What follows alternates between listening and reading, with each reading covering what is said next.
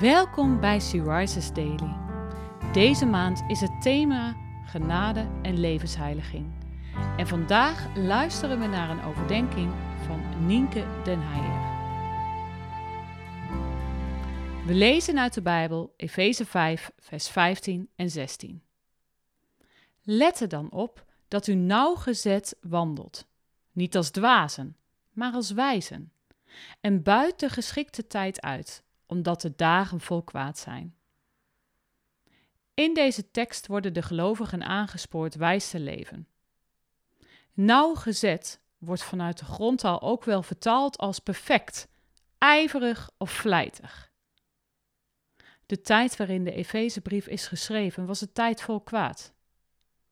En als we eerlijk kijken naar de tijd waarin wij leven, moeten we zeggen dat ook onze tijd een tijd is waar het kwaad ons omringt. Toch staat er dat wij onze tijd moeten uitbuiten of uitkopen. Dat zou je kunnen vertalen als onze tijd goed besteden. Ons leven goed gebruiken door verstandig te zijn. Zo, dat is nogal een opdracht. Hoe kunnen wij wijs leven en ons leven goed gebruiken? Dit kunnen we door de kracht van de Heilige Geest in ons. We moeten vervuld zijn met de Geest, zodat anderen door ons heen iets zien van God. In de manier waarop we elkaar helpen, liefhebben en dienen, zonder oordeel. In hoe wij als kinderen van het licht wandelen en ver weg blijven van zondige dingen. Juist in tijden waarin we omringd worden door het kwaad, mogen wij als christenen Gods wil blijven doen. En Hij wil en zal ons daarbij helpen. Paulus roept ons op om onze tijd goed te besteden. Besteed jij je tijd goed? Ben je tevreden met hoe je dagen eruit zien?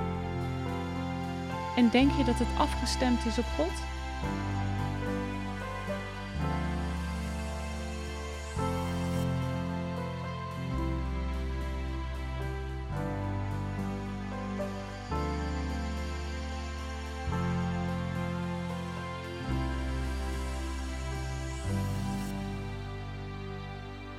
Zullen we samen bidden?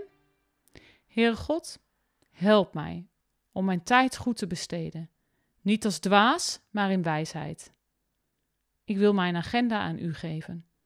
Wilt u mij laten zien hoe ik hem in kan vullen naar uw wil? Amen.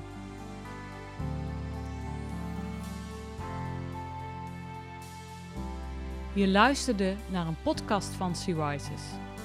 Sea Rises is een platform dat vrouwen wil bemoedigen en inspireren in hun relatie met God. Wij zijn ervan overtuigd dat het Gods verlangen is dat alle vrouwen over de hele wereld Hem leren kennen. Kijk op www.she-rises.nl voor meer informatie.